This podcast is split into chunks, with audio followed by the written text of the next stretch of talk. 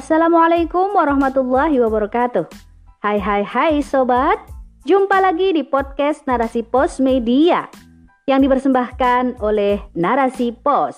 Cerdas dalam literasi media, bijak menangkap peristiwa kunci.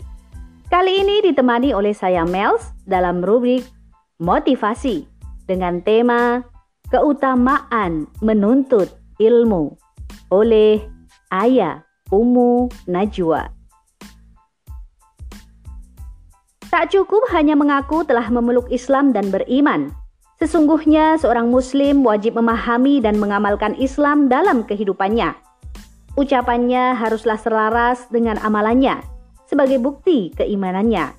Sedangkan dalam pelaksanaan amalan tersebut tentunya membutuhkan ilmu.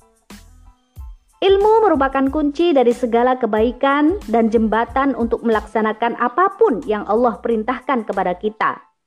Sempurnanya iman dan amal bergantung pada ilmu. Segala peribadatan kepada Allah harus berdasarkan ilmu. Dalam menunaikan kewajiban dan menjauhi larangan Allah pun harus dengan ilmu. Bahkan dalam hal mendakwahkan Islam juga harus berlandaskan ilmu. Imam Ahmad pernah mengatakan bahwa manusia lebih memerlukan ilmu daripada makan dan minum. Sebab manusia hanya butuh makan dan minum sebanyak dua hingga tiga kali sehari. Sedangkan dia membutuhkan ilmu setiap saat. Oleh karena itu, kebutuhan manusia terhadap ilmu lebih besar dari kebutuhannya terhadap urusan jasmaninya seperti makan dan minum. Sejatinya, ilmu merupakan sandaran kelestarian urusan agama juga dunia. Jika manusia menginginkan kejayaan dan kesuksesan, martabat serta derajat dalam kehidupannya, harta yang tiada terkira, serta segala kehormatan hidup, maka ia hanya membutuhkan ilmu. Imam Ibnu Hajar Al-Asqalani dalam kitabnya Fathul Bari menjelaskan bahwa yang dimaksud ilmu di sini adalah ilmu syar'i. Ilmu yang harus diketahui oleh seorang mukallaf agar ia dapat menunaikan kewajibannya kepada Robnya terkait ibadah serta muamalah terhadap sesamanya. Juga ilmu tentang Allah dan semua sifatnya, menunaikan haknya dalam peribadadan dan menyucikannya dari segala kelemahan. Seorang muslim tidak akan dapat menunaikan kewajiban agamanya dengan benar kecuali dengan menuntut ilmu yang berdasarkan Al-Qur'an dan As-Sunnah. Islam adalah agama yang mengajarkan ilmu serta amal. Sebagaimana Rasulullah pun diutus membawa ilmu dan amal. Maka setiap muslim laki-laki maupun perempuan wajib menuntut ilmu. Dengan begitu, mereka akan dapat mengetahui dan melaksanakan ajaran agamanya. Menuntut ilmu syar'i adalah sebuah kewajiban bagi seorang muslim. Sebagaimana hadis yang diriwayatkan oleh Ibnu Abdul Bar yang dinilai sohih oleh Syekh Albani dalam Sohih wa Ba'if Sunan Ibnu Majah nomor 224. Menuntut ilmu adalah wajib untuk setiap muslim laki-laki maupun perempuan bekal menuntut ilmu. Menuntut ilmu merupakan kewajiban bagi setiap muslim, baik laki-laki maupun perempuan. Maka, agar aktivitas menunaikan kewajiban ini dapat berjalan dengan sukses, seorang pembelajar wajib memiliki niat yang sungguh-sungguh dalam menjalani aktivitasnya sebagai penuntut ilmu. Imam Az-Zarnuji dalam kitab Ta'lim Al-Muta'alim menjelaskan, niat untuk menuntut ilmu mencakup niat mengharap ridha Allah untuk meraih keselamatan di dunia maupun akhirat, menghilangkan kebodohan, syiar Islam, serta untuk menjaga kelestarian Islam. Selain niat yang sungguh-sungguh, juga sebagai bekal menuju kehidupan akhirat, agar Allah memberinya kemudahan menuju surga. Sebagaimana hadis yang dituturkan Abu Hanifah dalam sebuah syair yang luar biasa terkait niat menuntut ilmu. Siapa saja yang menuntut ilmu untuk kehidupan akhirat, maka ia akan mendapatkan anugerah kebenaran, dan merugilah mereka yang mencari ilmu hanya untuk mendapatkan kedudukan di hadapan manusia. Imam Az-Zarnuji pun kembali menyampaikan pesan dari Sayyidina Ali bin Abi Thalib bahwa ilmu hanya dapat diraih dengan enam perkara, yaitu pertama, dukaun atau kecerdasan, kecepatan dan ketepatan dalam berpikir yang sudah Allah anugerahkan. Tugas manusia hanya cukup mengeksplorasinya, sehingga karunia tersebut tidak sia-sia. Para ulama salaf mengelompokkan kecerdasan manusia menjadi dua kelompok. Pertama, kecerdasan murni bawaan yang diberikan Allah ketika manusia lahir.